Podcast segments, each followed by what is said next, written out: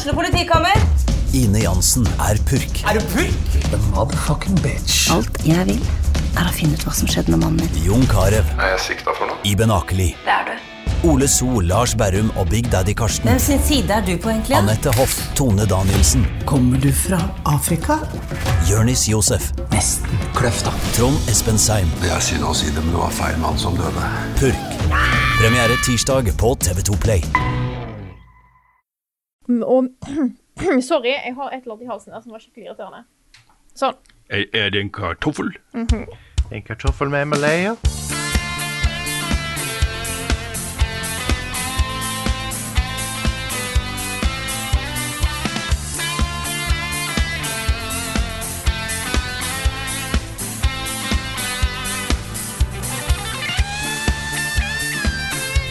Og vi kjenner at hype-nivået i kroppene våre bare stiger nå som tiårsjubileet vårt nærmer oss. Men vi skal nok klare å liksom holde beina på bakken nok til å ha en podkastepisode i dag òg. Velkommen til en episode av podkasten Level Backup med meg, Frida Danmo. Og med meg i dag har jeg Karl Martin Hogsnes og Rune Fjell Olsen.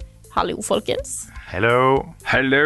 Kjenner Hype, at jeg, at, jeg, at jeg letter fra bakken, altså. Ja, Ja. jeg har faktisk strappa meg fast i en stol her. Bare for liksom Å, det er lurt, det burde jeg tenkt på. ja.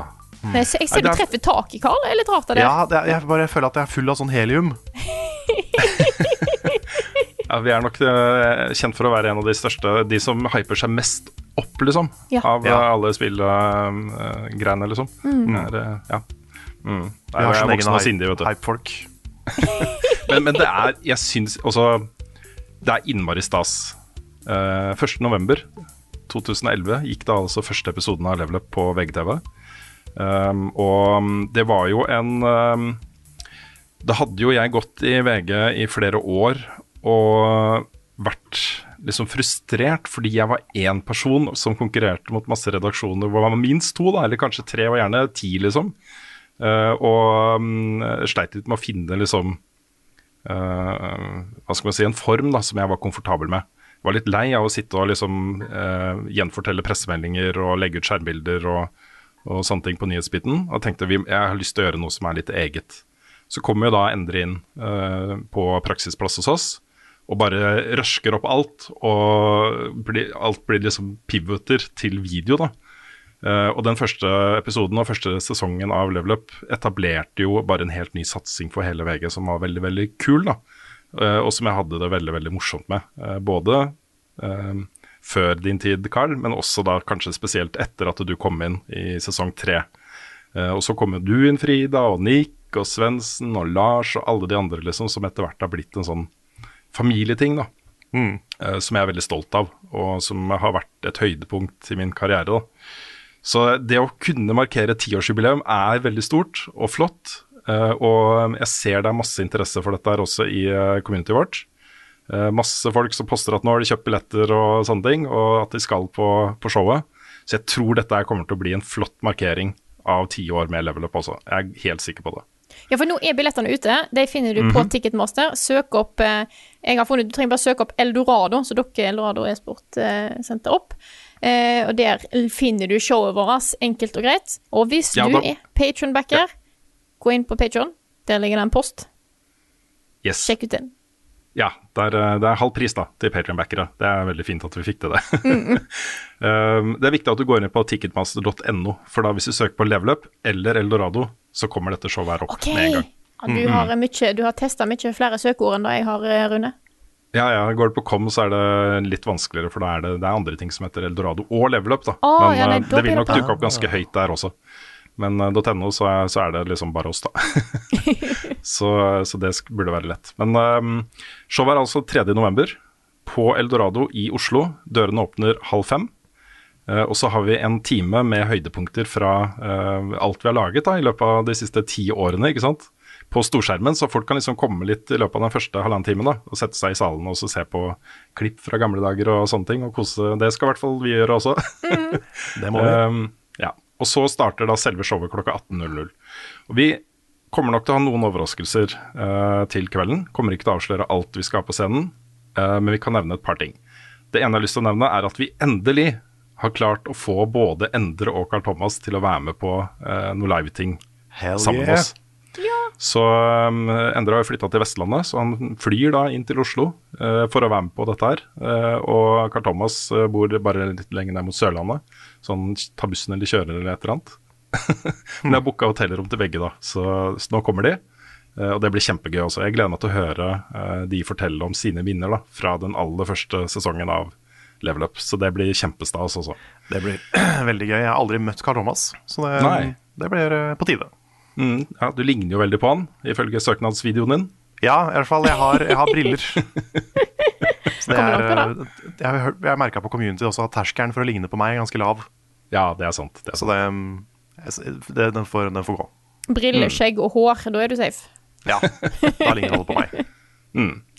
Og ellers eh, så, så kommer vi nok til å tise litt mer eh, om kvelden utover eh, uka, men uh, det blir jo selvfølgelig mye mimring, Uh, dette her. Uh, forvent å se en del høydepunkter og eh, gjenfortellinger og eh, sånne ting.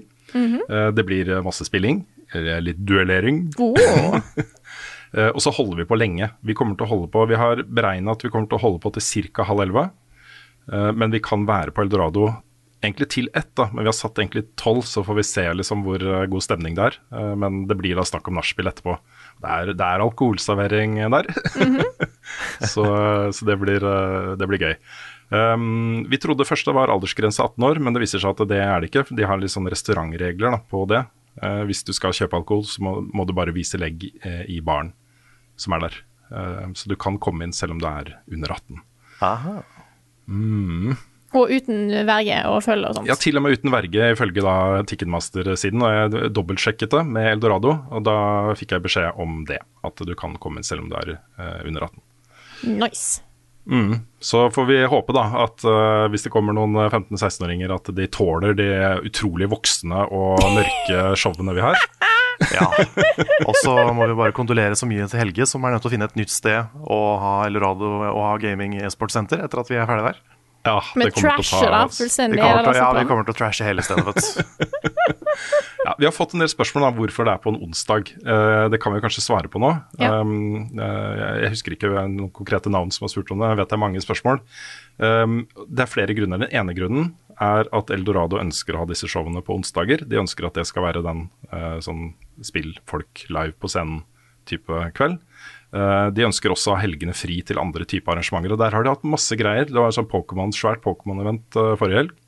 Um, og de leier ut da lokalene til, uh, til større ting uh, i helgene. Konferanser og sånne ting.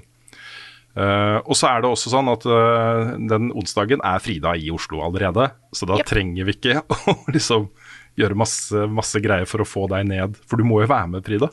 Det er jo da, det er jo litt eh, da at det ble den dagen, er jo faktisk fordi jeg sa hei, jeg er i Oslo, kan, skal vi gjøre noe eh, show den dagen? Og så passer det så bra med, med tiårsjubileet. Eh, så eh, For jeg skal på en konferanse i materialteknologi i Lillestrøm mandag og tirsdag, så det passer jo perfekt å bare utvide det en dag eller to. Ja, det er amazing. Det Yes, er kjempebra. det blir veldig bra. Og da er det mindre utgifter for dere, vet du. For jeg er jo allerede i Oslo, så trenger jeg ikke betale reiseutgiftene mine engang. Det er helt knall. Det er Ja, det er det som styrer alt vi, alt vi gjør. Ja, ja. Alt vi gjør. Men vi må, jo, vi må jo også nevne at det her blir jo streama på Twitch.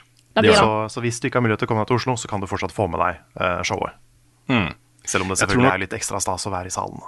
Ja, det er det. Og vi, vi kommer til Vi har bedt om å ha en skjerm uh, på scenen med chatten på streamen, men jeg kan i hvert fall si her og nå at det kommer til å bli vanskelig å ha full kontroll på den. da. Så, så den kommer til å være der, og vi skal prøve å følge med, men det er liksom eh, salen og, og sånt som kommer nok til å være hovedfokuset vårt eh, på scenen. Så bare folk er klar over det på forhånd. Men vi har bedt om å få det streama, så, eh, så det var viktig for oss. Det var til og med så viktig at vi sa at hvis ikke vi fikk til det, så kjørte vi bare en stream isteden. så ja. Men det er bra Men, det blir eh, show. Det er bra det blir show også. Jeg gleder meg så vilt mye til dette her. Det kommer til å bli kjempe, kjempegøy. Og uten å avsløre hvem som kommer, så blir det jo vi blir mange. Ja, Yes. Det ser veldig ut som vi blir en, en god gjeng på scenen. det, er nest, til, det kan hende at vi til og med blir alle. Kanskje. Kanskje. Kanskje. Ukens hotteste. I ukens hotteste denne uka så har vi faktisk en gladnyhet som jeg vet at veldig veldig mange har venta på. For nå kommer endelig Thomas-toget til God of War. Oh, Oh, my yeah. god. Og kanskje Lady Dimitrescu og Ja, jeg gleder meg til å se Kratos tolka av Shrek. Ja, eller Max Mekker. Ja, Max Mekker hadde vært enda bedre. Norske hodere. Get on that. Ja. Nei, det er rett og slett God of War som kommer til PC. Det var vel Oh, i yes. januar? 14. januar. Mhm.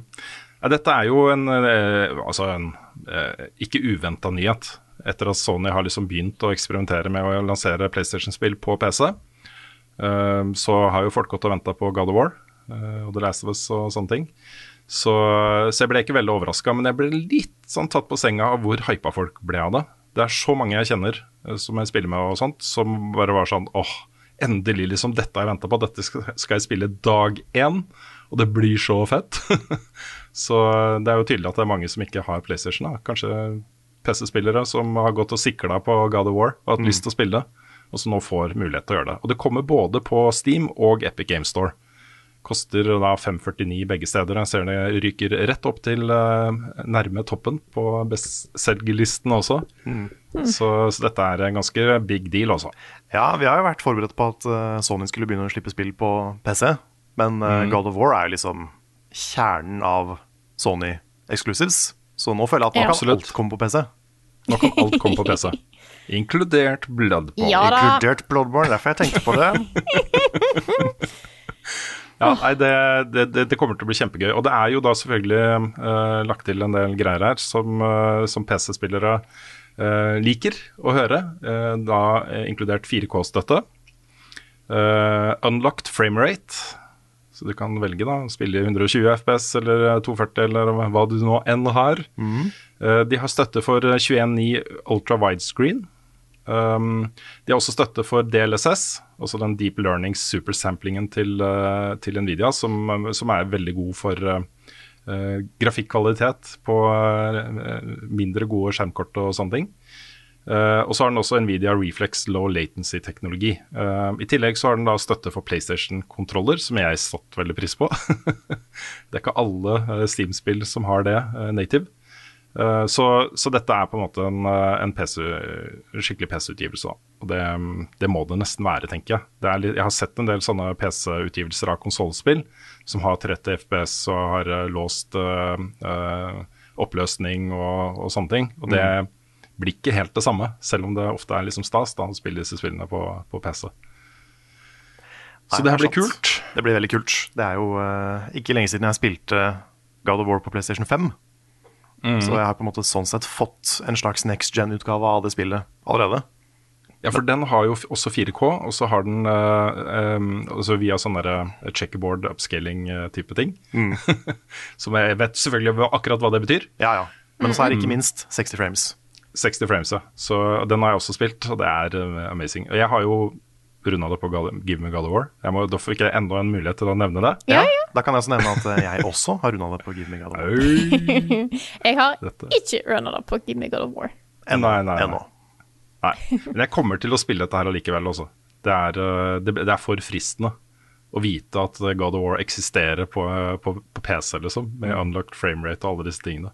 Men noe av det kuleste med PC-utgivelser, det er muligheten for randomizers og sånn. Ja, Ja. Men jeg vet ikke om liksom, kan du lage en God of War randomizer som funker? Er, det, er, det liksom, er spillet bygd for det? Nei, det er jo ikke det. Det er jo liksom meningen at du skal finne de upgradene i den pathen du tar. da. Altså, det er jo noe valgfrihet på hvilken rekkefølge du tar ting her. Ja, for det kan, de- det kan hende det funker hvis du bare ikke randomizer de viktigste tinga. Mm. Sånn som at alle i kistene kan ha hva som helst i seg. Det kan hende det er gøy, altså. Ja, kanskje. Sigrun kan bli en lek, da, hvis du har flaks. Hvis du har flaks. Ja.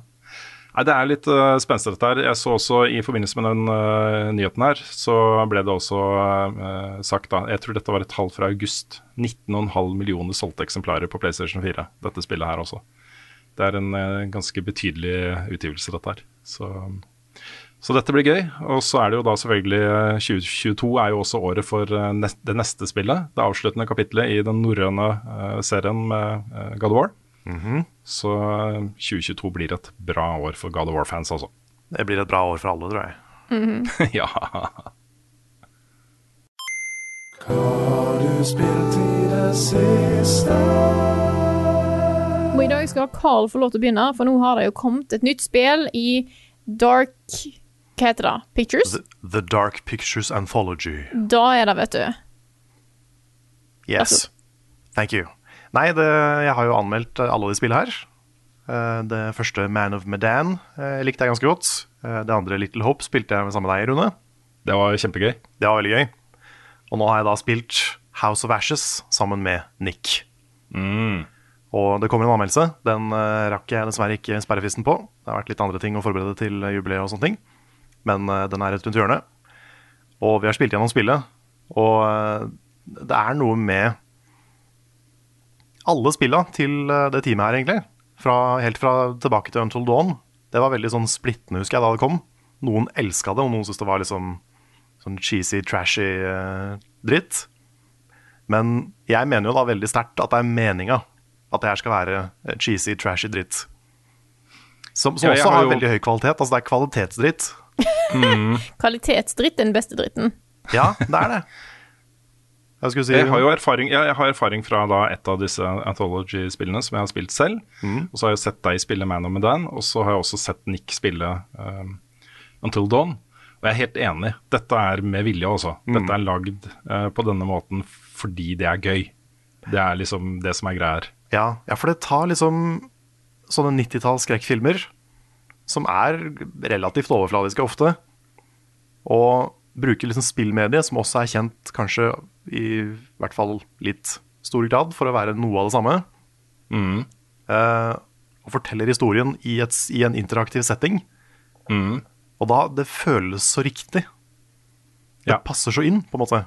Det er på en måte Det er jo veldig den der David Cage, eh, Heavy Rain-formelen. Bare kanskje litt på en måte som kjenner sin begrensning, og ikke tar seg sjøl så høytidelig som det David Cage gjør. Og da blir det så gøy.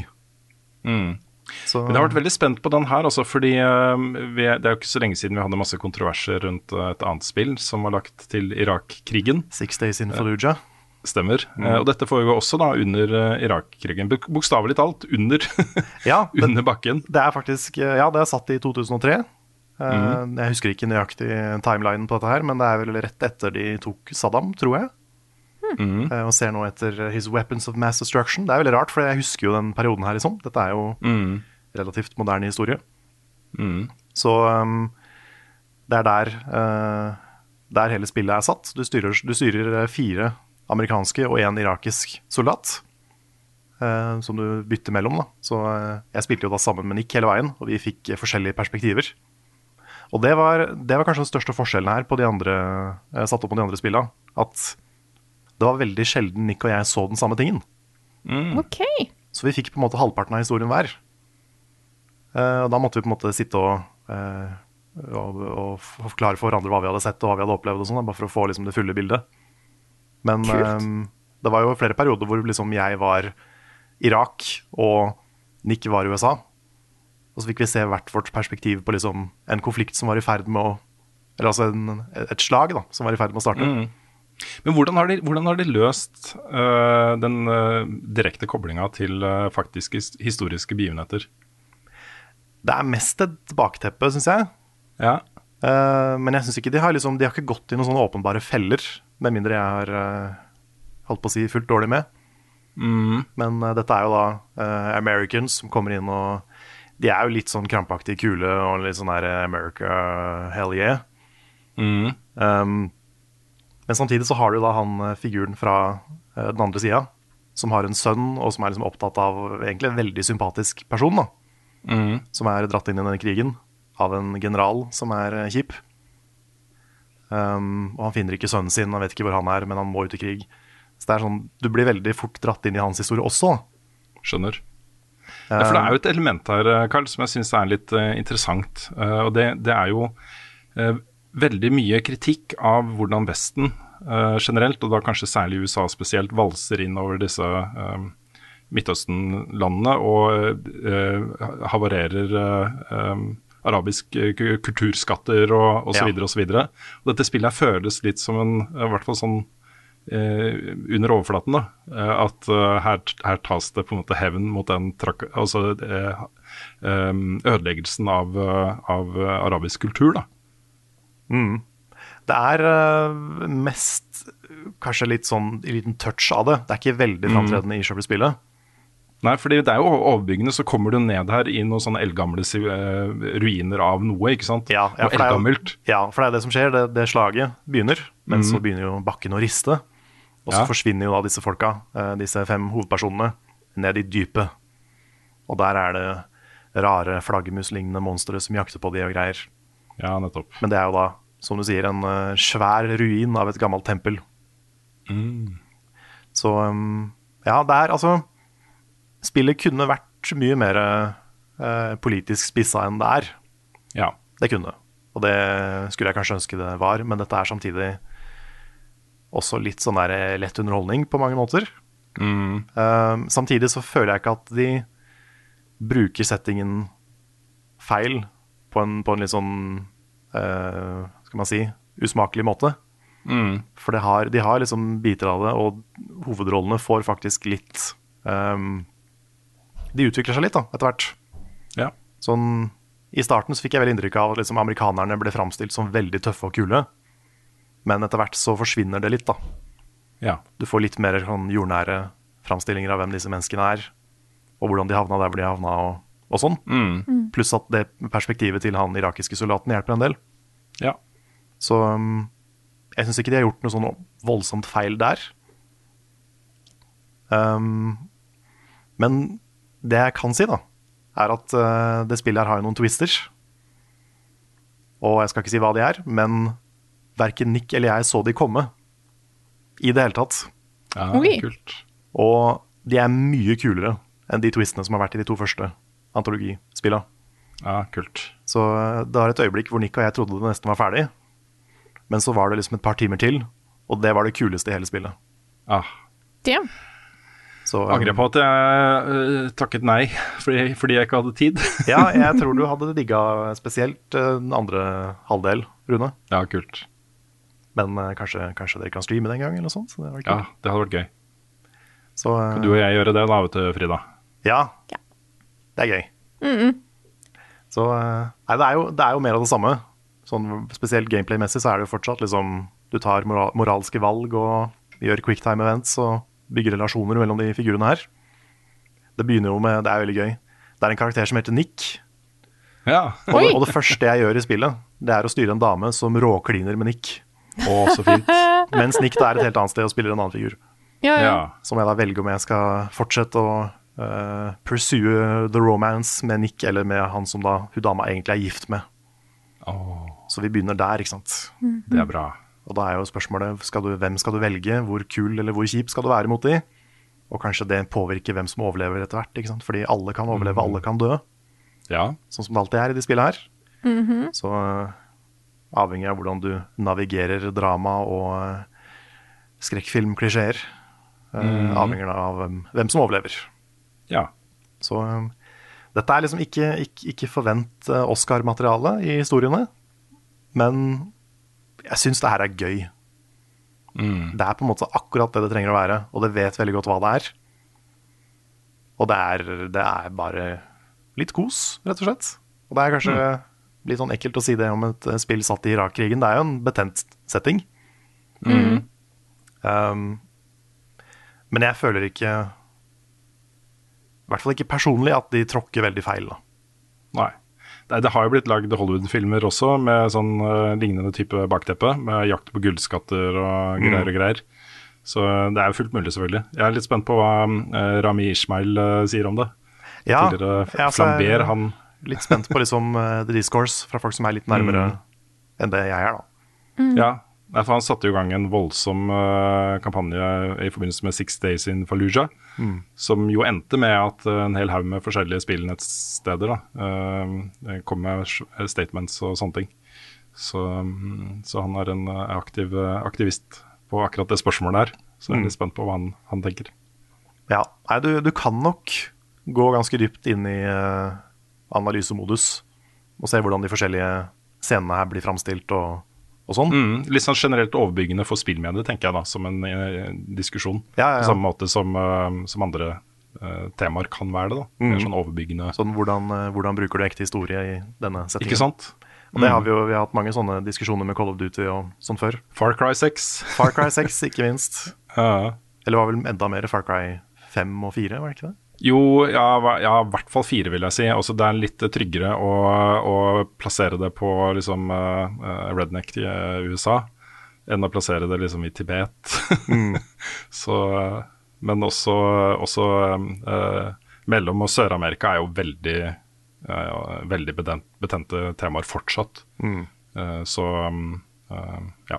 Ja, men det, det plager meg mindre Jeg tenker i hvert fall mindre på det her enn jeg gjør i f.eks. Uh, sånne Far Cry eller COD-type spill. da Fordi det er mindre det, det er ikke noe power fantasy i det spillet her. Nei. Dette er mer en sånn horror-greie. Mm. Og da Ja. Det er ikke like sånn mismatch, føler jeg, da. Nei, nei, jeg er helt enig, altså. Krig er jo har- ganske, ganske horror Mm. fra før av. Jeg har ikke hatt noen problemer med disse temaene. her Jeg bare luft, løfter det litt opp fra bagen min. Ja, ja, ja. Sånn, kan, vi, kan vi bare betrakte dette litt? Men det er, eh, det er en interessant diskusjon. Jeg, eh, Mm. jeg håper noen skriver om det mer. Ja. Det, jeg føler meg ikke 100 kvalifisert sjøl, nødvendigvis, til å ta et dypdykk ned i, ned i akkurat den der krigspolitikken her. Men, eh, men det er noe der som er verdt å prate om. Det er en segway, god Segway for meg, hvis du er ferdig, Karl. Jeg kan gi meg der. Ja, det er fordi jeg føler meg heller ikke kompetent til å snakke om dette første spillet som jeg har eh, spilt. Uh, det, er, det, ja, uh, det er da Inscription. Inscription, for et uh, navn. Um, dette er jo det nye spillet til Daniel Mullins, som kanskje er mest kjent for Pony Island, uh, men også Å ja, oh, ja. det er han! Det har ikke jeg skjønt. Å, shit! Mm. Og det han har gjort, da, han har tatt deckbuilder-sjangeren og bare gjort den til sin. Så han har lagt inn rogelight-elementer, han har, og kortene snakker til deg. Eh, Du har et rom du er inne i, hvor du spiller da mot en sånn demonlignende figur som du bare ser liksom de lysende øynene til og sånne ting. Og du spiller om liv og død. da. Eh, og du har en sånn vektskål på siden. Når den ene siden kommer helt ned, så dør da eh, den, som, den siden det er på. Uh, og så har du et rom fullt av hemmeligheter. Du har en safe uh, som du ikke har kombinasjonen til. Du har liksom items på hyller og sånn som du kan plukke opp. Og så videre og så. Og du spiller da med dyr um, som har Og her, her, her er mitt problem, da, fordi jeg har spilt veldig lite dekkort. eh, Dekkspill. Jeg, har, jeg, jeg skjønner ikke helt uh, spillmekanikken nå. Så jeg vet ikke helt hva jeg gjør. Jeg plasserer liksom bare kort, og så håper jeg det går bra, og så gjør det jo ikke det, da. Og så føler jeg meg litt dum. Men, uh, men det er også stemningen i det spillet her er bare helt insane bra. Uh, og dette er det første kortspillet, altså deckbuilder-spillet, som jeg har tenkt at dette har jeg virkelig lyst til å bare fullføre. For det er en story her. Eh, du har disse rogelight-elementene hvor du starter litt på nytt. Um, masse sånn random ting som du legger til ved siden av som bare er kjempegøy. da. Uh, utrolig kul dialog. Uh, veldig bra manus her. Uh, og veldig sånn stemningsfullt. da. Sånn mørkt og skittent og skummelt. Ja, ja. Liksom, det er et horrorspill, liksom. Ja, Har du spilt Pony Island? Nei, jeg har ikke spilt på Nine. Jeg har ikke det. Du har spilt det, Frida? Jeg har sett en Let's Player, da. Ja, ok. For Ja. det, det er verdt å få med seg, altså, det spillet der. Ja. Det er jo akkurat sånn, det høres ut som noe helt annet, men det er, det er et ubehagelig, men utrolig kult spill. Mm. Det handler jo på en måte om skal man si, en slags arkademaskin som er uh, besatt av Satan. Nettopp. Det er på en måte hooken i spillet. Ja. Nei, det, er, det var eh, helt fantastisk. eh, Jeg, jeg, spilte liksom bare starten av det, og jeg syns det var helt amazing. Jeg ser også at det har jo 95% positive anmeldelser på Steam. Um, det er, dette har blitt en sånn greie, da. Så jeg tok sporenstreks og kjøpte det til Svendsen, så jeg sendte han en kopi også. Nice. er det noen i redaksjonen vår, eh, kanskje i tillegg til Nick, da, han har også spilt mye sånn Hearthstone og sånt. Men, eh, men når du får disse her Rogalight-elementene og sånn på toppen, så tenker jeg bare Svendsen. Så um, eh, mulig det blir noe stream eller noe sånt for han da, på det spillet. Men dette her tror jeg det er mange som kommer til å digge. Altså. Um, jeg likte at, eh, at kortene eh, er dyr. Altså du har ekorn og eh, ulver og, og sånne ting. Og så er det litt lettere å forstå på en måte hva kortene er, da, enn hvis det er liksom det er voldsomt mange stats. Her har du bare to main stats, pluss da at du kan legge på bonuser på kortene eh, underveis. Eh, noen av de permanente, andre mister du eh, hvis du dør, da. Så um, det er mer det er, lett, det er lettere å komme inn i, tror jeg. Lettere for sånne som meg å forstå et sånt type spill enn Slade Aspire eller Hearthstone eller alle disse spillene. Så, um, så jeg er hooked, altså. Det her er amazing. Skal vi gjenta tittelen på spillet? Ja, det er Inscription. Tenk Inception, men Crypt. ja, altså det er Inscription med Y. Med Y, ja. Inscription. Riktig. Mm. Ok. Utgitt av Devolver Digital, selvfølgelig. Selvfølgelig. Mm. Ja, Dette er et veldig Devolver-spill, altså. Og det kom liksom litt ut fra ingenting. Det var ikke forhåndsannonsert. Altså, jeg tror det har blitt annonsert tidligere at det skulle komme et sånt spill fra han. Men det kom jo bare plutselig. Det var ikke noen launch-trailer uka i forveien eller noe sånt. Det bare dukka opp på Steam. Så um, I love it. Og så har jeg, eh, det her blir kontrast, da, men gått tilbake til et spill som jeg har vært så lei meg for at jeg ikke har testa før. Det kom ut for en stund siden, i, tidligere i år. da. Jeg tror det var rett over sommeren, men det er mulig jeg husker feil der.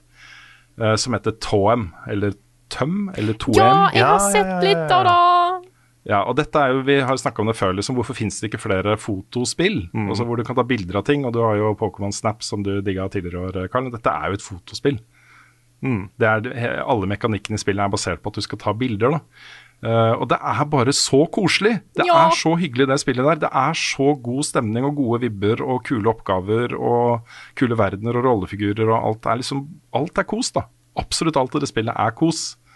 Uh, og det du skal gjøre, er at du starter jo uh, I starten av spillet så får du liksom beskjed om at ok, nå kan du gå og se en sånn mystisk skapning som, som eksisterer et sted i denne verden her, og som er veldig sjelden. og som Det er, det er nesten litt sånn der right of passage-ting, å ta bilde av den skapningen. liksom. Så du får ditt eget kamera og må reise ut for å uh, ta bilde av den. Og I starten så er det sånn åh, jeg gleder meg sånn til å ta bilde av den skapningen, det må være kjempekult. Men så med en gang da, så setter den seg fordi det er masse folk da, som trenger bilder av ting. Du har en speidertropp, liksom. Hvis du skal bli med i den, så må du ta bilde av liksom, den og den og den tingen. Uh, så har du folk som har mista sokken sin, og da må du liksom finne den. da, Og så får du oppgraderinger som gjør at du kan se spøkelser, og de har oppgaver til deg. Det er masse, da. Uh, så jeg har uh, spilt gjennom hele den første verden, ikke gjort alle oppgavene der. men for hver ting du fullfører, så får du en stamp som gjør at du kan ta bussen gratis til neste område. Og så trenger du da ikke sant, sju stamps for å komme videre fra det første området, av 15. da, Du kan få inntil 15, og så vokser det ut fra det. Så dette er, dette er et megabra spill. Det er et megabra spill. Så godt løst, så unikt, så digg å spille, så koselig. Så god stemning og god musikk og bra lyder og alt Det er liksom bare veldig, veldig pent. da. Um, så det var en veldig, jeg er veldig glad for at jeg fikk satt meg ned med det. Det er veldig det ene, koselig spill. Det er September vært, og, og nå oktober har vært altfor krisetravelt at jeg har hatt tid til å ta tak i disse mindre spillene her, da. Som er litt mm. synd. Jeg har flere av disse på, på lista mi. Mm. Ja, det eneste jeg vil si, da, uh, som, uh, som, jeg, som, irriterer meg med dette spillet her, er altså prøv, prøv å gjette hvor disse folka her er fra. Lukas, Niklas og Elias. I svensk? De er svenske. De er svenske pokker også! nå må Sverige rose ned, altså. Ja. ja, nå må de rose, rose deg. Something We Made heter da selskapet. Det er tre sånne superkule um, svensker da, eh, som, uh, står bak det firmaet her. Um, men uh, god damn, altså, det spillet her er så Det er så vellaga. Så god idé, og så godt gjennomført. Og så sånn umiddelbart. Åh, nå koser jeg meg. Det er så digg, altså. Så um, anbefales på det aller varmeste. 2M heter det. T-O-E-M med store bokstaver. Uh, jeg kommer til å fortsette å spille. Jeg tror kanskje det er verdt å få lagd en anmeldelse av det hvis jeg rekker. da. Det er så vilt mye annet å gjøre om dagen. Men uh, dette fortjener litt oppmerksomhet. Det kommer til å komme høyt på min toppliste for i år, garantert. Um, og så er det et nytt svensk spill, da. Fucker også! Dumme svensker. Townscaper har nå kommet til mobil, og ja. dette er jo et konsept som er så utrolig perfekt egna for mobil og touch. Ja. For det du gjør, er jo å trykke på kartet, og så bygger du bygninger der du trykker. Mm. Um, og lager liksom byer, og du kan liksom få ting i høyden og utover, og lage strender og alt mulig rart. Det er bare ved å trykke. Ja, og det er jo bokstavelig talt bare det du gjør. Ja. Det, er det, er ikke noe økonomi, det er ikke noe sånn gameplay utover det. Det er liksom bare du, nei, nei, du bygger en by. Jeg må si, bare så sagt Jeg syns Townscape på PC er helt knall, fordi at du på en måte Du kan bare lagre masse ting. Det er liksom, det er ikke noe sånn der fancy eh, mekanikker. Det er bare sånn Du lager en by, og så kan du lage, så kan du lagre den. Mm. Og that's it. Ja, det er ikke noe score. Det er ikke noe Åh. Oh. Mm. Nei, og du, du kan da velge sant, om du skal la dette utvikle seg helt organisk, bare ved å trykke på ting og så se hva som skjer. Eller så kan du lage en plan. Du kan ha plan, plan i hodet ditt for at du skal ha et stort tårn i midten, og så skal du bygge ut, liksom.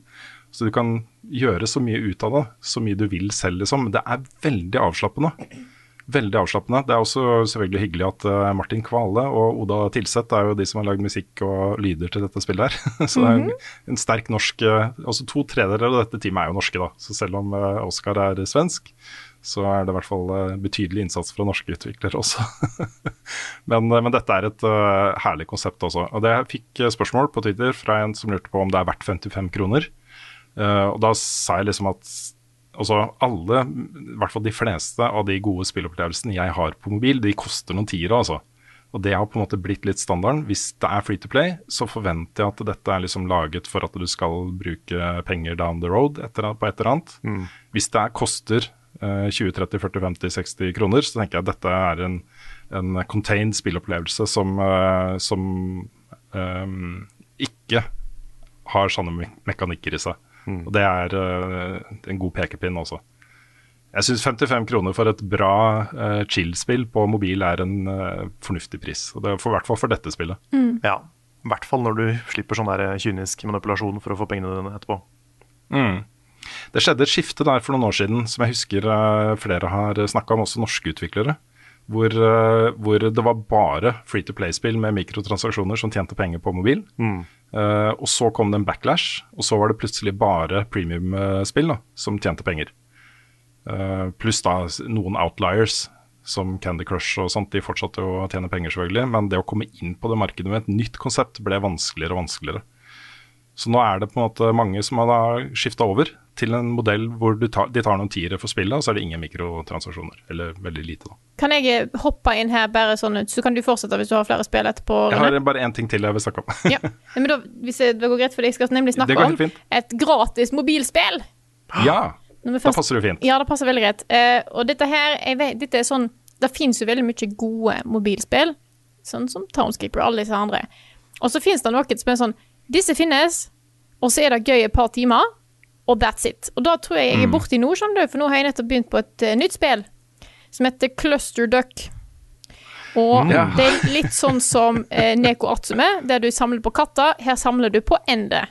Og ja. det er ikke noe fancy greie. Du har ender som legger egg, og så får ny, de nye endene de får mutasjoner. Så nå har jeg ender som har uh, en hammer til hodet, og så har jeg noen som er litt mer sånn emo. Og så har jeg en her som er Han har mer sånn faktisk duckface. Det er ganske festlig. Eh, og dette blir sikkert gøy sånn i dag og i morgen, tenker jeg. Og så blir jeg lei.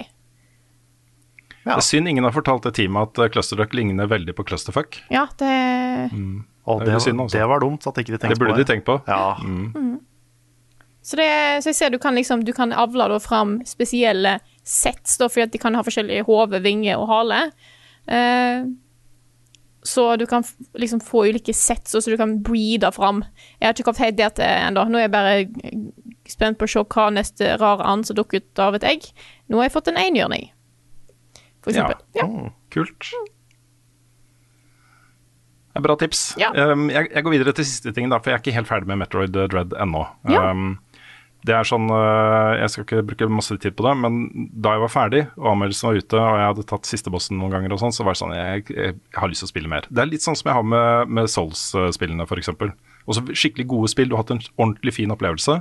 Du har lyst til å bare repetere den en gang til, liksom fordi du ikke følger deg helt ferdig med den. ikke sant? Mm. Og så har du blitt mye flinkere, så du tenker sånn åh, det blir så fett å komme til den og den bossen, nå som jeg vet hvordan jeg skal ta den, og bare ta den ned på første forsøk og sånne ting. da. Så jeg gjorde det. Spilte gjennom hele Metroid Dread en gang til på normal. Oi. Så begynte jeg på hard, hard mode, som jeg ikke hadde tenkt å gjøre. Da. Men uh, det går ganske bra. Jeg er forbi Crade og litt videre etter det på hard mode. Uh, og den virker som egentlig bare er den der at du har mindre helse og fiendene gjør mer skade. Det er, at det er det det er, da. Du, du, eh, må være flinkere til å ikke bli truffet, rett og slett, og til å treffe fiendene du skyter på. da. Så, så, den er morsom. Men uh, har, jeg har fått et par spørsmål som jeg tenkte det var greit å svare på uh, om Metroid Dread. Uh, og Det ene er fra Steamroller Man, som spør Jeg vurderte å kjøpe Metroid Dread og spille det sammen med min ni år gamle sønn. Hvordan er innholdet? Er det mange skumle scener og slikt? Og Det her tenker jeg er helt overkommelig for en niåring, særlig hvis du spiller sammen med dem. Ja. Det er ikke noe sånn eh, det er bloddrypp og sånne ting, liksom. Og så syns jeg ikke disse her eh, jaktsekvensene som er der, eh, der du må snike deg litt rundt, jeg syns de er på en måte De er spennende, men de er ikke sånn eh, horroraktige, syns jeg. Det er jo litt det, da, men, Ja. eh, men det poenget er at når disse robotene får tak i Samus, og det gjør de jo som regel, da Det er eh, vanskelig å, å parry eh, de attackene der, for å si det sånn. Eh, så kunne man jo liksom i et sånn 18-årsgrensespill, det kunne sett mye verre ut. Eh, så det er mer den der følelsen av ubehaget, mer sånn til stede, da. Men jeg har jo, sønnen min har jo stått over skulderen min og mast om å få spille det selv, han også. Eh, han er ni nå. Så eh, det, tror jeg, det tenker jeg er helt greit, altså. Mm. Men det er et fint spill å spille sammen. Det tror jeg er en god idé. Ja. De, de Emmy-robotene gjorde meg egentlig mest sinna, altså. ja, det var mest frustrerende. Ja, mer frustrert enn jeg var redd, liksom. Ja. Nei, det er, jeg syns det er litt eh, Det er litt dread, de animasjonene, når de får tak i det. Ja, det er de. Det er sånn. Litt sånn ubehagelige, men eh, ikke, på, ikke for langt. At de går ikke for langt med det. Men det andre spørsmålet er fra, Erik Hesthagen, og han spør da ehm, disse speedbooster slash shinespark secretsene begynner å bli litt latterlig vanskelig å dra i land, eller? Ja, de er sliter jeg med. riktig. De sliter jeg veldig her med. også. Det, jeg har hørt fra folk at de er verre i noen av de andre spillene. Husker okay. ikke om det er Fusion eller Zero Mission eller en av de som er sånn Som, som har enda verre sånne. Mm. Men, eh, men det er en ting jeg aldri har lært meg ordentlig. Altså. Nei, jeg, jeg sliter veldig med det, fordi eh, du eh, Det er jo sånn at du kan bygge opp en speedboost, og så kan du fokuset, fokuse, eh, fokuse den speedboosten inn i en sånn derre At du skyter fart inn i ting da, som krever speedboost for å ikke sant, Om det er opp eller ned eller skrått eller bortover eller som ball, eh, morphball mm. eller hva som helst. Og De er puzzles, liksom. Mange av de itemene der er gjemt bak puzzles, hvor du må eh, lage farten din et helt annet sted. Og så må du løpe, og så må du hoppe på veggen. Fordi hvis du stopper eller snur mens du har speedboost, så mister du speedboosten. Eneste måten å skifte retning på, det er å hoppe i en vegg, sånn at den skifter retning automatisk. Og da må du være forsiktig, og så må du liksom bytte retning på stikka på akkurat riktig tidspunkt for at ikke miste den. Og så, det er så mange sånne ting, da. Ja, Pluss at Som- den er tima. Det er bare noen få sekunder hvor du kan bruke den der ekstra dashen. Fem sekunder. Fem sekunder har du. Fem sekunder, ja. Så, ja, så, så de er megavanskelige. Og jeg har valgt da å ikke bruke altfor mye tid på de. Så det er mange av de jeg ikke har klart, rett og slett. Jeg vet hva jeg skal gjøre. Jeg må liksom bort dit, hoppe der, gå i ball, opp dit, eh, få skutt de der eh, rocket-blokkene, og så liksom skyte fart. da. Men så må jeg få til alle disse tingene. Jeg er 48 år gammel, det går ikke. Vet du hva? Disse her har jeg bare skippa helt. ja, De det vanskelige er- Du må, ikke. Du må ikke gjøre det for å runde spillet. Det er vel én eller to speedboost som er liksom uh, required. ja, men de er, lette. de er lette. De er Ja. Eh, men de vanskelige kan du skippe hvis ikke du går for 100% absolutt. Og jeg går ikke for 100% så disse her uh, Jeg innser at det helt sikkert er en del sånne items, men jeg har bare ikke prioritert det i det hele tatt. Nei. Jeg har, jeg har øvd litt, liksom. Prøvd å bli god på det, men jeg har ikke klart det ennå. Så kanskje vi får se. Kanskje. Ja, jeg har tatt noen av de, men det er et par av de som jeg bare vet hva, dette her orker jeg ikke. Nei. Så, og det er greit. Det er Ja. greit.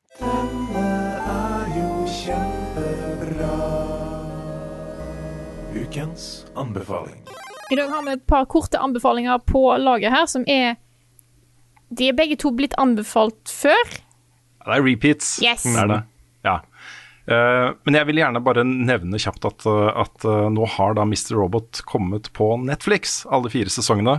Og tidligere når jeg har sett Miss Robot, så har jeg slitt litt med at noen sesonger var det ene stedet, og noen sesonger var det andre stedet, og så mista jeg litt tråden, og så falt jeg litt ut. Altså, jeg har fortsatt ikke sett sesong fire. Eh, Så nå har jeg begynt, og jeg ser opp igjen bare sesong tre. For sesong én og to har jeg sett nå to ganger. Sesong tre har jeg bare sett én gang, så nå ser jeg den på nytt, og så skal jeg se sesong fire. Så eh, anbefalingen min er bare at nå er det på Netflix. Hvis dette er en serie du har hatt lyst til å se, eller missa, eller du bare har Netflix, så bare kjenn din besøkelsestid, for dette er bra shit. Absolutt. Støttes. Mm. Da kan jeg komme med en kjapp uh, oppdatering av min anbefaling også. Ja. Fordi For noen uker siden så anbefalte jeg Ted Lasso, og nå har jeg sett alt. Begge sesongene som har kommet. De er jo, blitt, uh, de er jo fullført nå. Mm. Uh, jeg vil også, som en sånn tilleggsanbefaling, eh, anbefale video, ikke video, uh, tekstessayene essayene til uh, Filmcrit Hulk. Ja. Som generelt, han er en dritflink uh, skribent. Han har skrevet veldig veldig mange bra uh, tekster om mye forskjellig. Film og TV og diverse. Og han har sånne referattekster om alle episodene Oh. i sesong to. Litt usikker på om han har sesong én, men jeg har i hvert fall lest de på sesong to. Og det å liksom se en og en episode av Ted Lasso, og så lese hans eh, tekst om de, da. Det gjorde liksom den sesongen enda litt bedre, på en måte. Åh, det, er sånn, det var sånn jeg så Paradise Hotel i flere sesonger. Ja, Hasse det var samme, eh, samme her, med Hasse Hope og, og sånn. Ja, Det var dritfunny. Jeg elsker sånne recaps. Dette er jo en veldig annen type recaps, da. For dette er jo ikke, dette er jo ikke sånn trashy reality. nei. Um, men litt sånn som Movies with Mikey og de folka der, så han, han er veldig flink til å på en måte peke på alt det serien gjør riktig. Og peke på liksom, hvis ikke du tenkte på det, så det gjorde de, og det var sant, og det var smart, og det, plutselig så var det enda litt bedre, liksom. Så jeg setter litt pris på det, da. Liksom noen som Ja. kan få meg til å sette enda mer pris på noe som jeg allerede liker. Ja, det er eh, en bra ting. Det er en um, knallgod serie. Ja, Ted Lasso er fantastisk. Jeg har anbefalt den til og med til faren min, og han digger den. Og det er liksom, det er bare, jeg tror den bare treffer så mange, for den er bare så hyggelig. Ja, jeg, jeg ringte faktisk hjem for et par dager siden og bare sa til mamma og pappa at dere må se Ted altså Ja. Har de Apple eh, Pluss? Ja. Apple, Apple TV? Ja, ok, greit. Det vil si, de har, de har Apple Pluss fordi de har glemt å kansellere det. Ok, da Så de har, de- ikke Apple, de har ikke Apple Pluss fordi de har en PlayStation 5? Nei, det har de ikke. Nei. Så de, um, de har accidentally Apple Pluss. Ja, ok, greit.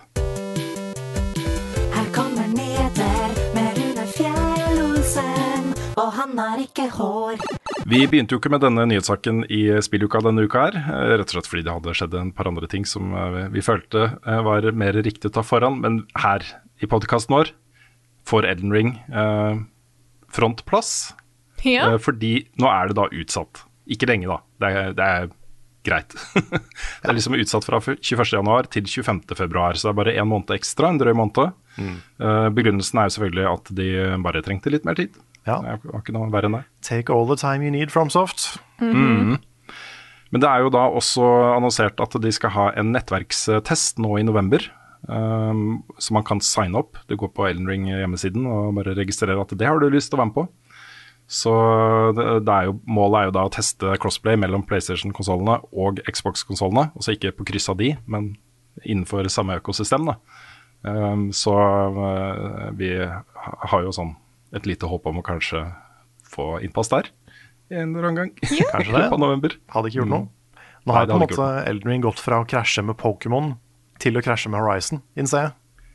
Og for Rune, da har jeg, Ja, har, ser ja. et spørsmål her fra Jakob. eh, Jeg vet ikke om du har det rett foran deg, kanskje? Jeg har det, vet du. Det er fra Jakob, Jakob Skrede Langedal, vår eh, gode venn, som spør da hvor vondt er det å måtte velge mellom The Witch Queen og Eldring, som nå plutselig, plutselig kommer samme uke.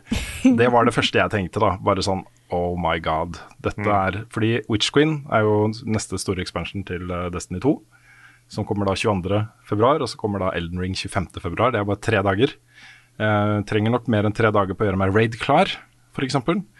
Uh, men jeg har jo også nå, nå går jeg bare og krysser fingrene for at um, Elden Ring blir utsatt igjen. Nei da, ikke det. Jeg gjør ikke det. Nei, at vi får det tidlig, At vi får det tidlig, rett og slett. Mm. og at kanskje sperrefristen er eh, på eller før den 22. Sånn at det er mulig å gjøre meg liksom helt ferdig med Elden Ring før The Ja. Witch Queen. Vi fikk både Dark Souls 3 og Sekiro tidlig, Ja, så jeg har et håp. Vi har jeg har også et håp. fortsatt kontakt med han fyren som ga oss de tidliggodene, håper jeg. Ja da, det har vi. God For Rune, du skal, du skal anmelde det for NRK? Jeg skal nok det, skjønner du. Ja, Ja. Så tenk om vi bare får én kode, da. ja det går ikke. Ja, da lo jeg litt sånn der eh, Hva heter det? Uh, chaotic evil? Ja. Ja. ja. Ja. Men uh, jeg mener det seriøst, det sa jeg i spilluka også. Hvis det blir tilfellet, da det, altså, Jeg kommer fortsatt til å spille og lage den anmeldelsen, men det, det kommer til å gjøre litt vondt. da Fordi jeg har jo blitt introdusert inn i dette universet av deg, Karl. Du har det? Og etter hvert eh, eh, av Svendsen og uh, Nick også. Og det er på en måte Uten dere så hadde ikke jeg vært, uh, vært inne i dette universet. Det er jeg ganske sikker på. Jeg tror ikke jeg hadde fått, det, fått meg til å sette meg ned med Bloodborne på egen hånd. Kanskje en eller annen gang, liksom. Og så oppdage hvor fett det er, da. Men uh, her ble jeg jo liksom tvunget til det, og da umiddelbart fant jeg ut at dette er noe for meg. Og så ble jeg helt hooked da, på det universet her og disse spillene. Nei, vi, må, vi må drille inn i folk at level up og NRK er to forskjellige ting. Ja. Derfor holder det ikke med en kode. Det gir beskjed. Vi, vi har jo, det har jo vært mange tilfeller hvor vi har fått to koder samtidig, så jeg, jeg håper da at det er tilfellet her også. Ja, Helst tre, Så- sånn at Svendsen også kan få en. Helst tre. ja. Helst fem.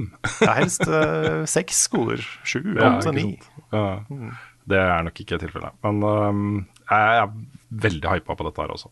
Så tror jeg da at hvis det blir tilfellet hvor jeg må velge mellom Elden Ring og The Witch Queen, så kommer jeg til å velge Elden Ring. Det, eh, det, You det heard it here, folks.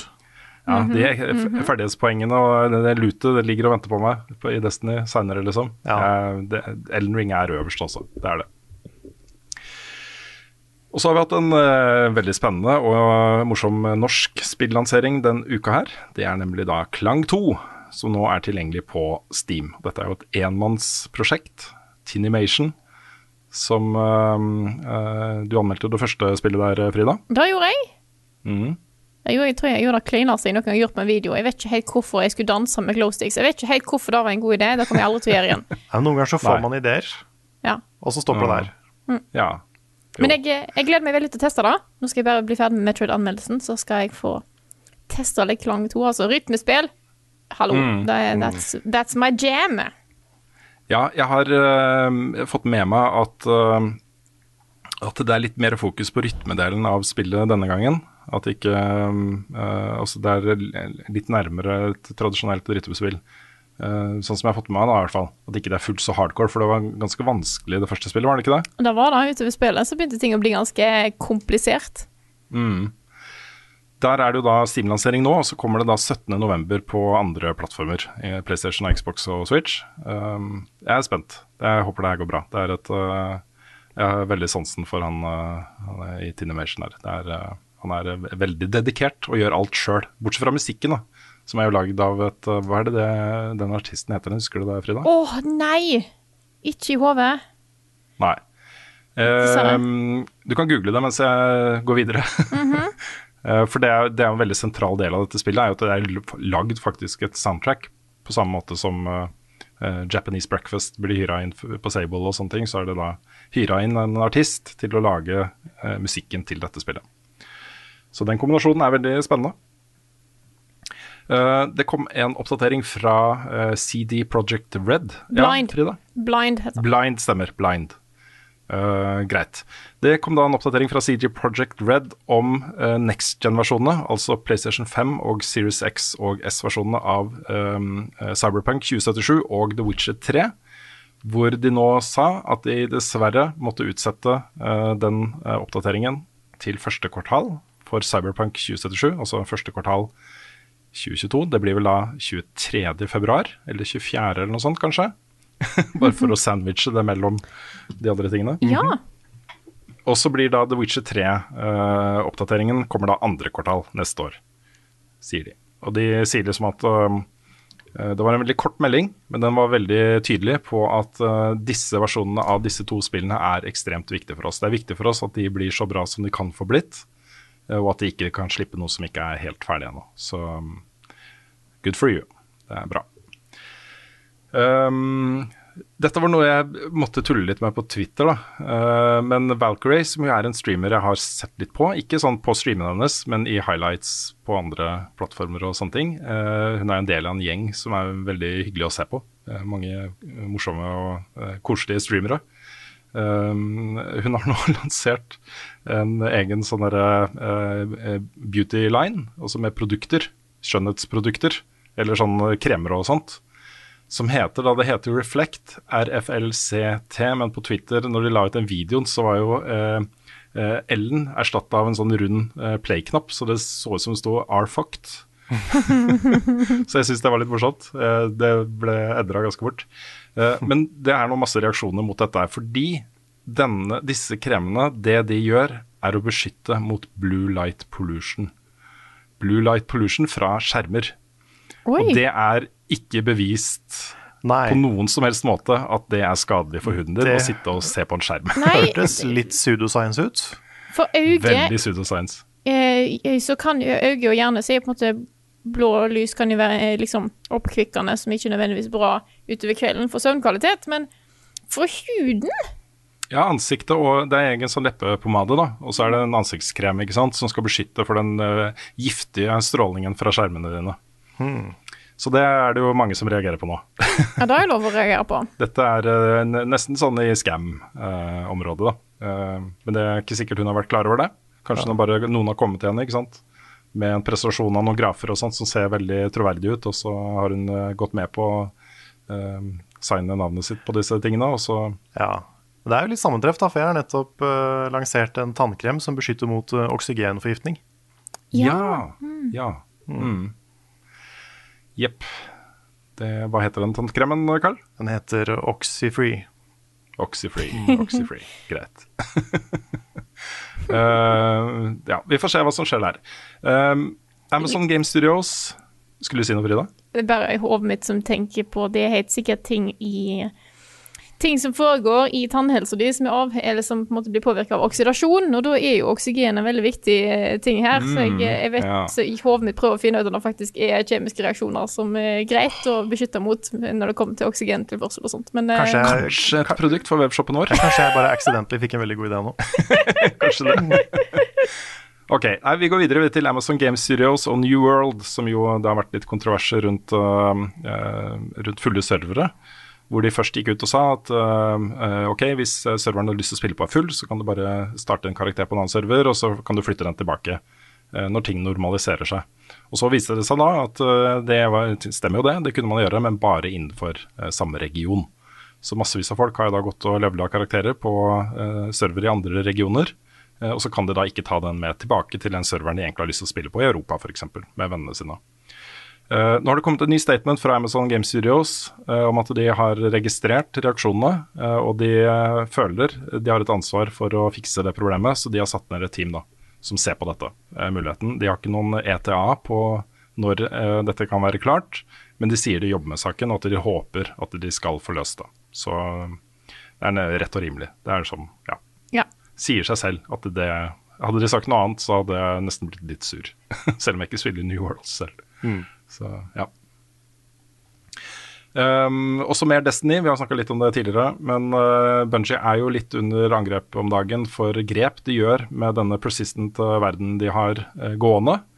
Um, vi snakka jo litt om uh, vaulting, også det at de legger innhold i det spillet inn i det de kaller The Vault, med da mulighet for å ta det ut igjen seinere. Som f.eks. de gjorde med Vault of Glass, som jo kom tilbake nå. som Put the vault uh, in the vault. Uh, yes. Uh, og nå er det da masse innhold uh, som forsvinner inn i dette hvelvet eh, når The Witch Queen kommer. Begrunnelsen de ga først, var jo eh, eh, at eh, spillet liksom er større enn de klarer å håndtere. eh, og at eh, eh, for å liksom sikre eh, at alt fungerer som det skal, så må de fjerne innhold for å legge til nytt innhold. Så det var liksom den tekniske begrunnelsen deres. Um, den mer sånn overbyggende begrunnelsen er jo at eh, hvis det er for mye innhold i sånt spill Det er allerede vanskelig nok da, for nye spillere å komme seg inn i dette spillet. Um, så det kan være en del av det innholdet som er litt forvirrende for folk. da. Eh, det de blir kritiseres for nå, er jo eh, en uttalelse de kom om at de nye dungeonene som kommer neste år, også etter Witch Queen, de vil Eh, Det er foreløpig kun inkludert hvis du kjøper deluxe-utgaven av The Witch Queen. Så dette har jo vært da, Dungeons har jo vært innhold som har kommet med Season Pass eller DLC-er tidligere. Vært inkludert i liksom ting du kjøper, så er det en del av pakka. Nå blir de da holdt utenfor som separate produkter. Eh, det blir sagt at det vil komme andre måter å kjøpe disse på etter hvert. Eh, men i praksis så, vi, så snakker vi da om at det neste året, liksom, etter The Witch Queen, deluxe-utgaven 800 kroner, da får du alt. Uh, og så er det med usikkerhet da, rundt hvor mye det vil koste å legge på liksom, nye sesonger eller nye dungeons eller sånne ting etter hvert. Um, Destiny Community er veldig delt på dette. her. Begge disse to temaene er Destiny Community veldig delt på. Og jeg har en følelse av at, uh, at um, uh, skillelinjen går mellom de som prinsipielt er veldig mot den måten å lansere innhold på, og de som gjør et regnestykke på hvor mye de faktisk spiller Destiny, og hvor mye de får igjen for de pengene de legger inn i spillet. Eh, og jeg hører nok til den siste eh, bolken der. Det er eh, alt i alt veldig billig underholdning, dette her. Og jeg, nå gjennom syv år, da, seks-syv år, jeg husker ikke, det er noe sånt, med Destiny, så har jeg aldri følt at jeg ikke har fått valuta for pengene. aldri, ikke en eneste gang har jeg følt det, liksom. Så um, Men jeg, men jeg syns samtidig at de sliter litt med modellen nå. De må finne en bedre måte å prise produktet sitt på. eh, og de må også finne en bedre måte å introdusere nye spillere i spillet på. Og det å liksom gi folk en, en eh, mer oversiktlig path da, til endgame. Ja. Jeg er ikke så fan av den der bruk og kast-mentaliteten på innholdet i spillet. Mm. Den syns jeg høres veldig rar ut for meg. Det, det, det er sånn alle med mor gjør jo, får jo det til. Mm. Så hvorfor får ikke Destiny det til? Altså, eh, det, Grunnen til at det har blitt sånn, er at Destiny 2 eh, ble ikke bygget som en persistent verden som skulle leve da potensielt evig. Altså sånn eh, Let's be real, det kommer ikke til å leve evig, men i hvert fall lenge, da. Eh, det ble ikke bygga for det. Det ble bygga for å være Destiny 2 eh, i påvente av at alt skulle scrappes, og så skulle Destiny 3 komme ut. Det var avtalen med Activision. Um, og når eh, de brøt den avtalen og overtok IP-en selv, så var det et veldig tydelig krav da, fra community om at vær så snill, dropp den modellen. Ikke la oss begynne på nytt liksom, for hver nye utgivelse. Uh, bare legg på innhold. Så sa de greit, det skal vi gjøre, men koden vi har her, den er ikke god nok for det. det vi, har ikke, vi har ikke tilrettelagt for den type lanseringer uh, i den koden vi har laget uh, i den verden her. Så da må vi gjøre det på denne måten, var det svaret de ga, da. Så for min del så er det sånn at jeg vil heller at de skal volte innhold og legge til nytt innhold, og så eventuelt da trekke populære favoritter fra fordums tid tilbake eh, etter hvert, enn at de skal scrappe alt og lansere Destiny 3. Jeg vil da også. Hvis det er alternativene, så syns jeg den modellen de har nå er bedre. Ja. Eller så kan de ta en Final Fantasy 14 og bare snu skipet rundt og lage en ny engine i bakgrunnen mens de oppdaterer den forrige. Ja. Ja.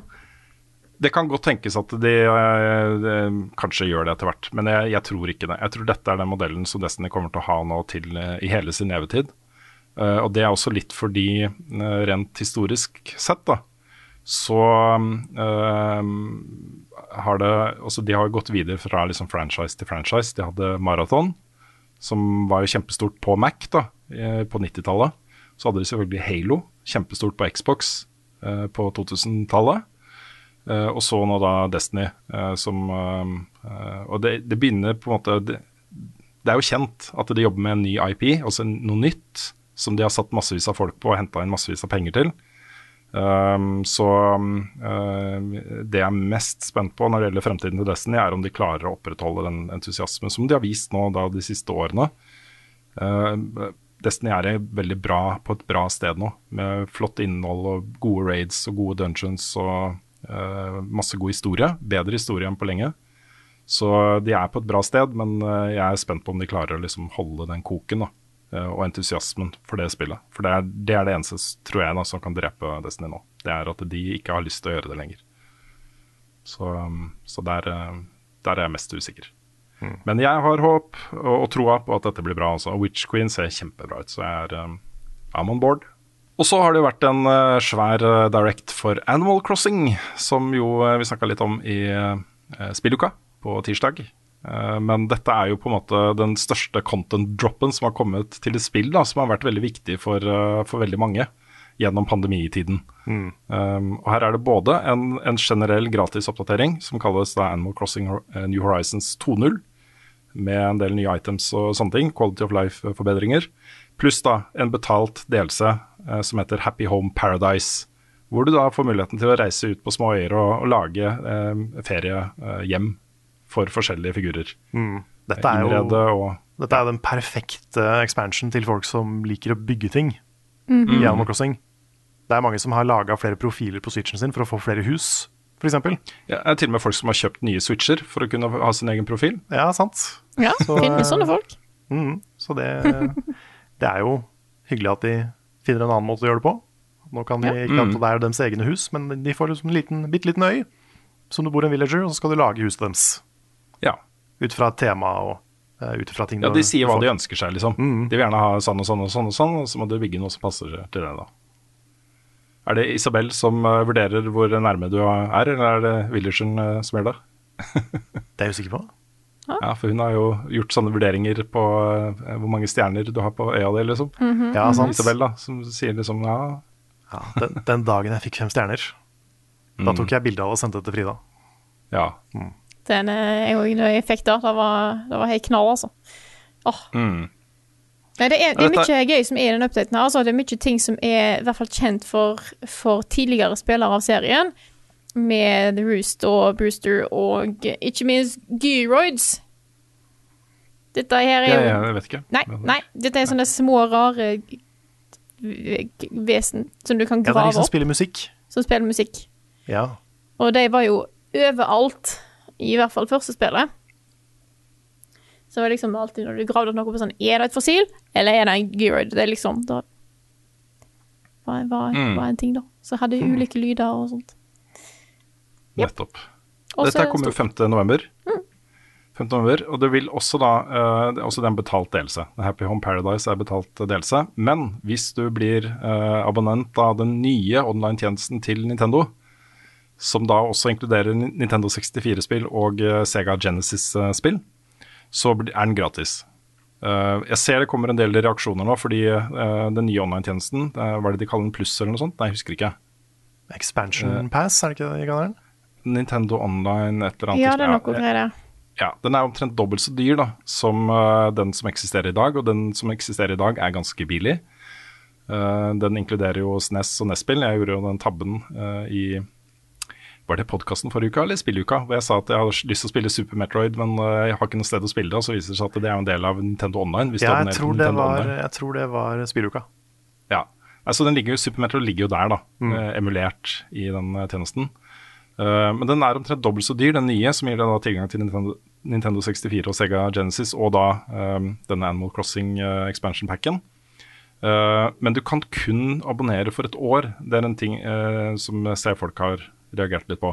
At du må ut med en stor sum da, en gang i året, istedenfor å si at nei, du vil ha det i en måned eller tre måneder eller et eller annet. Og så er også folk litt sånn OK, en fordel med Nintendo Online har vært at den har vært ganske billig.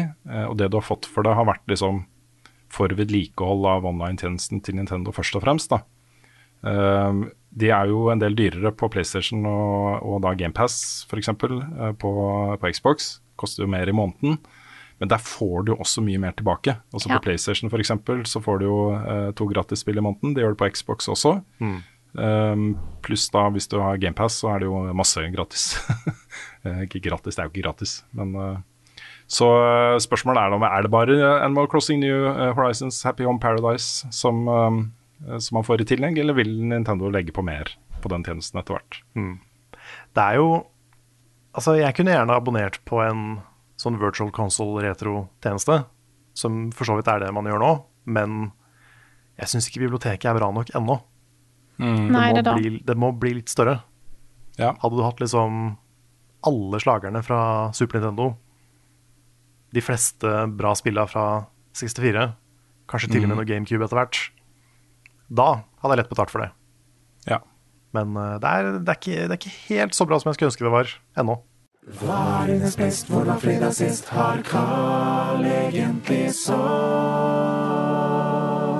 Ukens spørsmål. Og siden vi nettopp har snakka om GamePass, så er det vel bare rett og rimelig at vi starter med et spørsmål her fra selveste Erling Rostvåg, som er vel e-sportgeneral og daglig leder i Good Game AS. Stemmer det. stemmer det. Veldig hyggelig fyr. Erling godt. Veldig hyggelig fyr. Han skriver hva er det kuleste spillet på GamePass akkurat nå? Gjerne et som ikke er kjempestort. Og det, Rune, du har forberedt deg. Ja, jeg bare, Hver gang jeg får sånne spørsmål, så bare går jeg kjapt gjennom lista av hva som er tilgjengelig på GamePass. Det hender jo at det kommer inn nye ting, og at de fjerner gamle ting osv. Så, videre. så lista er jo egentlig innmari lang, men han ba jo om ett spill. Så jeg hadde tenkt å Nå har jeg funnet fram to, da. Jeg klarte ikke å bare ett. så jeg valgte å ta ting som er litt uh, nytt og hot, uh, og som jeg håper han ikke har spilt før. Men Hades er jo der. Og der har du ikke spilt Hades, så må du absolutt gjøre det. Uh, og The Artful Escape er også der. Og det er en heftig opplevelse, altså. Um, og det, begge deler er uh, spill som ikke er kjempestore. Også Hades er jo egentlig det, da. Men kan spilles i korte chunks. Ganske korte, i hvert fall. Uh, før du blir kjempegod og spiller i lange chunks. men, uh, men The Artful Escape er i hvert fall et sånn type fem-seks timers eh, spill som er bare en herlig opplevelse da, å komme seg gjennom. Det, Det- er jo masse andre spill der- ja. Ja, nei, det, det siste jeg spilte på GamePass var jo Psychonauts 2, men det har jo Erling spilt. Mhm. Eh, så hvis jeg skal trekke fram to, så er det Hollow Night og Undertale. Nettopp. Begge, begge ja, de er også på, der. på GamePass. Herlig spill. Jeg har laga en sånn liste, så ramse-opp-liste med ting jeg bare som, jeg, som jeg personlig anbefaler da, på GamePass. Som uh, folk får bare følge godt med. Notere fort, eventuelt spole tilbake uh, og høre på igjen. Uh, hvis det er tips der du har lyst til å eh, følge opp, da. Men andre spill som er der, er jo da selvfølgelig Sable, er på GamePass. Carrion, eh, kjempebra. Control, kjempebra. Dead Cells er der. Eh, Dishonored-spillene, inkludert DLC, amazing. Hellblade er der. Uh, du nevnte Hollow Night. Luminous Remaster er der, en gammel favoritt. Narita Boy, et av de kuleste indiespillene fra i år. Eh, begge Ori-spillene er der. Eh, Prey. Um, du nevnte jo Psychonauts 2. Én er også der. Jeg vet ikke om jeg vil anbefale det. Til, um, da skal du være bra interessert, tror jeg. Eh, selv om det er jo kjempebra story og et bra spill og Ja, du, du kan komme deg gjennom Psychonauts igjen. Jeg tror det fins noen mods også, som gjør det litt mer eh, moderne. Ja, kanskje, kanskje. Ja. Uh, og så ligger Resident Evil 7 ligger der. Uh, Slay the Spire, som vi nevnte tidligere i podkasten.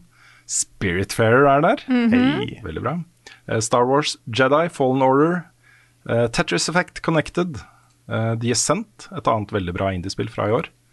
Eh, Titanfall og Titanfall 2, da særlig. Titanfall 2 er jo kjent for å ha en av de aller beste campaignene i eh, FPS-historien. Den er veldig god. Um, du nevnte Undertale, men også What Remains of Edith Finch. Har du ikke spilt det, så er det en heftig opplevelse. Uh, og så vil jeg også trekke fram Wolfenstein-spillene. Altså Wolfenstein The New Order og Wolfenstein 2 The New Colossus. De to er jo også der og er amazing. Eh, og dette er et lite utsnitt, da. Det ligger jo masse annet der. Alt fra eh, masse EA-spill til uh, Betesta, bibliotek og Doom og osv. Men det er bare, ikke sant? bare en kjapt liste over ting som ropte til meg da jeg gikk gjennom lista. Så GamePass er en eh, fantastisk tjeneste, altså. Det er så mye bra der. Absolutt. Yes. Jo, jeg, på neste side her så står Yakuza-spillene. Alle Yakuza-spillene er også, også der. Vi skal det bare ta y ikke sant, på lista. Ja, ja, ja. Mm. Men skal vi ta neste spørsmål her, da? Eller først vil jeg ta en, en ting som ikke er et spørsmål. Det er fra Kristoffer Getto Boys Hansen. Han skriver, må sende en takk for peptalken. Han eh, spurte jo om en peptalk forrige uke, for han drev og skulle skrive masteroppgaver, eller et, noe sånt. Eh, han skriver at det hjalp veldig, jeg ble ferdig og er herved lektor. Lektor Hansen, hey. gratulerer. Og det er bra at vi Ja, kunne hjelpe til. Ja, vi sender regning i posten. Ja. Grats. Nei, men Det var et eh, annet eh, spørsmål her eh, som du hadde forberedt deg litt på, Rune, var det ikke? Jo, det stemmer. Ja. Da skal jeg finne det også. Det er fra Ruben uh, Endresen. Han ja. skriver etter jeg fikk barn, har det vært vanskelig å få tid til de store spillopplevelsene. Spilte nylig gjennom Dead Cells og Blasphemous på Nintendo Switch, noe som jeg syns var veldig gøy, da det er så lett å hoppe raskt inn og spille en time her og en time der. Har dere noen gode anbefalinger i samme sjanger som kan spilles på Switch? Ja, jeg har uh, tatt utgangspunkt i det, da. At det er Dead Cells og Blasphemous han snakker om. Men jeg har utvida litt. Så det er uh, ikke bare hardcore, uh, super hardcore, uh, hardcore spill jeg anbefaler her, men det er stort sett indie-greier, da. eh, som eh, er litt sånn contained. Og Switch er jo også blitt en fantastisk konsoll for indiespill nå. Det er så mye bra der. Så da må jeg igjen nevne Hades. Har du ikke spilt Hades, Ruben, så gjør det. Uh, og hvis du likte det, så kan du gå uh, videre til Curse of the Dead Gods, som ligner ganske mye på Hades, uh, men har en litt annen tone og annen story og en litt annen progresjonssystem. Da. Um, og så er også Cuphead er på Switch.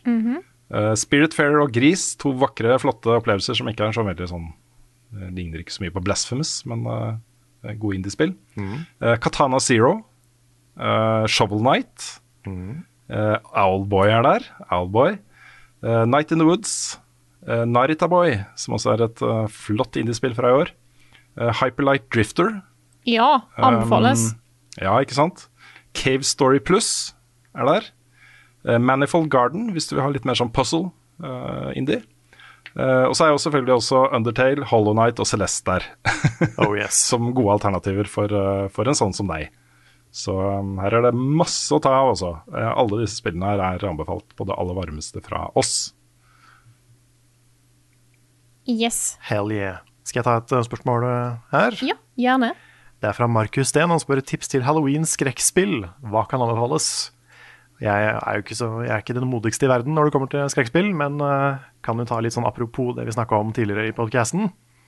Alle spilla til Supermassive, altså Until Dawn og alle Dark Pictures-spilla, ja. samle en gjeng i sofaen. Du kan spille det i fem player, maks, hvor du får én karakter hver.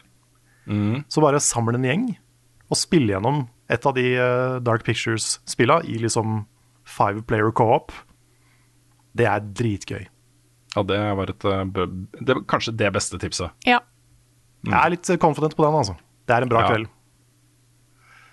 Jeg så også var det Dead by Daylight, som nå har litt sånn kontroverser fordi de har introdusert eh, Pinhead fra Hellraiser som NFT. Ja. OK. Um, nei, det finnes jo masse bra spill. Resident Evil-spillene. Oh yes. Resident Evil eh, Village er jo amazing. Um, eh, noe av det skumleste jeg har spilt noen gang, er Visage. Hvis du, vil ha, hvis du faktisk vil ha ordentlig skumle ting, så er Amnesia 2 veldig bra. Mm. Det er skikkelig, skikkelig kult. Spesielt hvis du har spilt det første. Det er litt connected historie her, men uh, toeren syns jeg på en måte ikke er lik Den har mye mer historie og tar for seg en del kule ting, altså. Mm. Har ikke spilt det sjøl, men ja. ja. Men da også litt apropos GamePass. Både Alien Isolation oh. og Dead Space-spillene er jo på GamePass. Så det Ja. er også veldig skumle og veldig gode spill, altså. Vi har name-droppa mange spill i den spørsmål og svar. Ja, vi har det, vi har det. Vi har det. Ja. Jeg bare følger godt med. Ja, ja. Penn og papir, folkens, neste gang. Hell yeah. Ja. da lurer jeg på om vi bare skal ta runde av her, jeg, Rune. Hvis ikke du hadde et uh... Ja, jeg har litt lyst til å svare på det spørsmålet her også, da. ja, ja, men gjør det. Det burde ha plassert et annet sted, så hadde ikke folk blitt så sure for at jeg skal snakke om Destiny enda en gang. Men det er et litt generelt spørsmål da fra Jakob, Ja. uh, som skriver da i de fleste online-spill, som f.eks. Destiny 2, endres metaen med jevne mellomrom? Er det fordi Bungie hele tiden er på jakt etter den perfekte balansen mellom de ulike våpnene og klassene, eller gjøres det helt bevisst for å skape variasjon?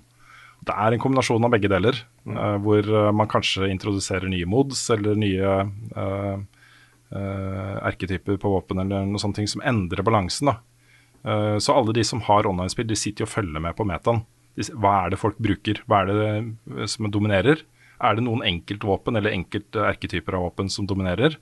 Eh, og eh, hvis det er det, så gjør man tuning.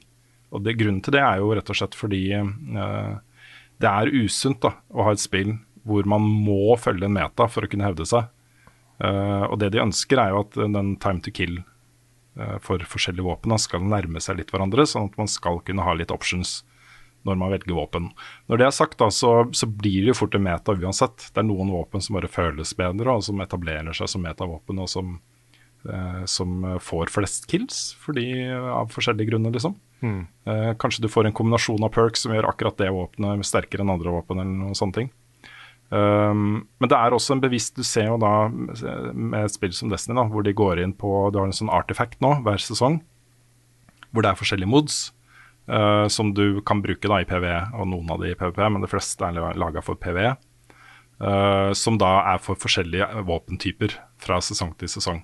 Hvor de, da, da må du skifte da kanskje fra en, eh, en eh, autorifle til en eh, bue, for å kunne bruke den ene moden fra sesong til sesong. Um, og uh, innimellom, da, sånn annethvert år cirka, så gjør man større tuninger hvor enkelte våpentyper løftes fordi de har vært lite brukt de siste to årene i PVP f.eks. Dette er en sentral og viktig del av det å drive et online uh, Games as a Service-spill. Uh, det å følge med på hva community bruker, og justere basert på det. Så hvis man ikke gjør det, så, så har man et døende online-spill. Jeg misunner ikke de som er ansvarlig for balansen i et MMO. Ikke Nei, sant? Det, det må være en jobb. Ja, det er kjempevanskelig. Det er litt sånn nesten utrolig å tenke på at det går an å ha noe form for balanse. I Destiny så har du et våpen som heter Telesto, en fusion-rifle. eh, og Den oppfører seg sånn at du skyter slugs som fester seg til ting, og eksploderer når fiendene kommer i nærheten. Og For hver nye ting de innfører i det spillet, så blir det spillet ødelagt. Og så må de fjerne det, da, eller kan du ikke bruke det i PVP da, spesielt. Det siste de fant ut, at hvis du, i da f.eks. Trials, hvis du skyter Telesto-skudd på en exotic armor til en lagkamerat, og den lagkameraten blir skutt på av uh, motstanderlaget, så er det Telesto-skuddene han treffer, og ikke motstanderen. Det er For hver nye greie da, så er det liksom nye måter det spillet blir broken på, og det syns jeg er litt morsomt også. Det er litt gøy. Men da må de fikse det, ikke sant. Mm. Da har jeg fått snakka, jeg har fått tømt meg for Destiny. Da, er, du Er lo- da går det greit å runde av podkasten, Rune? Mm, jeg må da også bare nevne, for syn, syns skyld og ordens skyld, at uh, når jeg logger meg på for å spille Destiny 2 nå, blir med på raid og sånn, så spør, lurer folk på uh, hvor jeg har vært i det siste. Uh, Destiny har nå blitt en veldig sånn avslappa hobbyting for meg. Det har du sagt Du har et år. sunnere forhold til Ja. Destiny.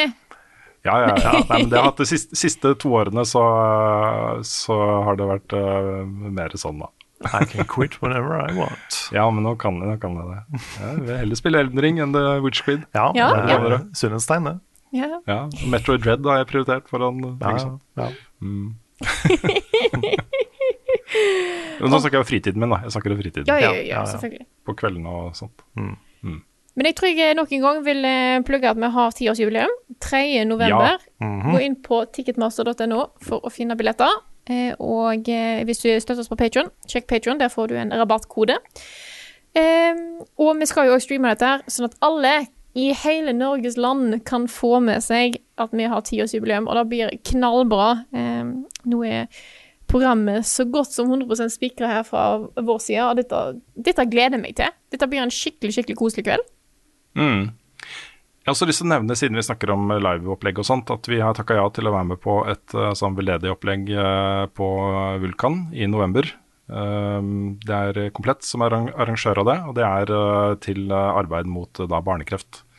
Som um, er selvfølgelig et utrolig viktig tema, og som, eh, som eh, vi også da kommer til å være med på. Så der vil det være tro, det var to dager med livestreams, hvis jeg ikke husker helt feil.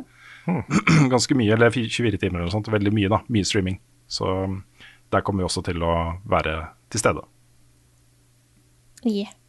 Ja, men da tar vi runde av eh, her. Dette her er podkasten Level Backup, utgitt av moderne media.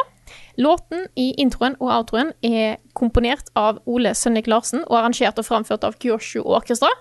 Vignettene er lagd av fantastiske Martin Herfjord. Du finner alt innholdet vårt på youtube.com slash levelupnord. Level Up Nord. Eh, og Twitch og TV slash Level Up Nord. Der er det bare å gå inn og eh, følge oss, så får du beskjed når vi går live. Så du får med deg eh, tiårsjubileet dersom du plutselig har glemt at det skjer. Eh, vi har òg en Discord-server. Discord.gg slash Level Up Norge. Hopp inn der. Der skjer det mye spennende. Der gir vi òg beskjed om når ting skjer og sånt. Så det er en eh, generelt bra plass å være. Og støtt oss gjerne på patreon.com slash levelupnorge. Vi setter ekstremt stor pris på alle som gir det, fordi vi kunne, vi kunne ikke klart oss uten dere. Så eh, vi håper òg at jeg, jeg håper vi får sett mange av dere på liveshowet, for det er alltid så koselig. Både Patreon-backere og ikke-Patreon-backere.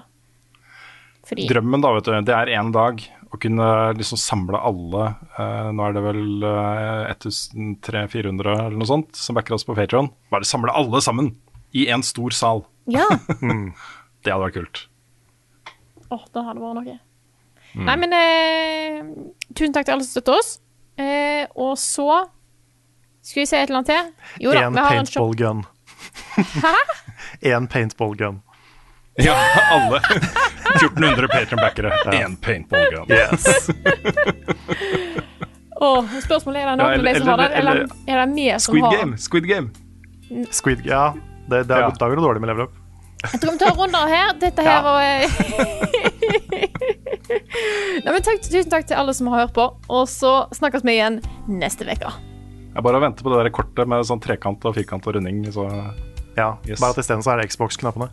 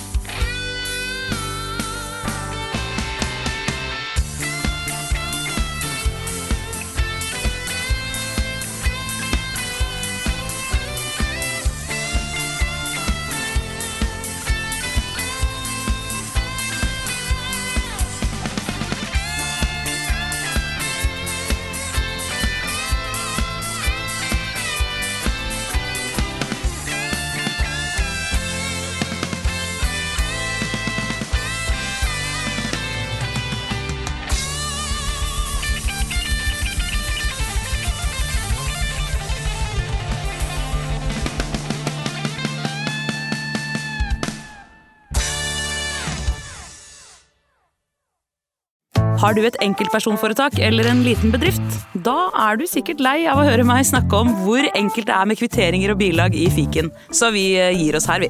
Fordi vi liker enkelt. Fiken superenkelt regnskap.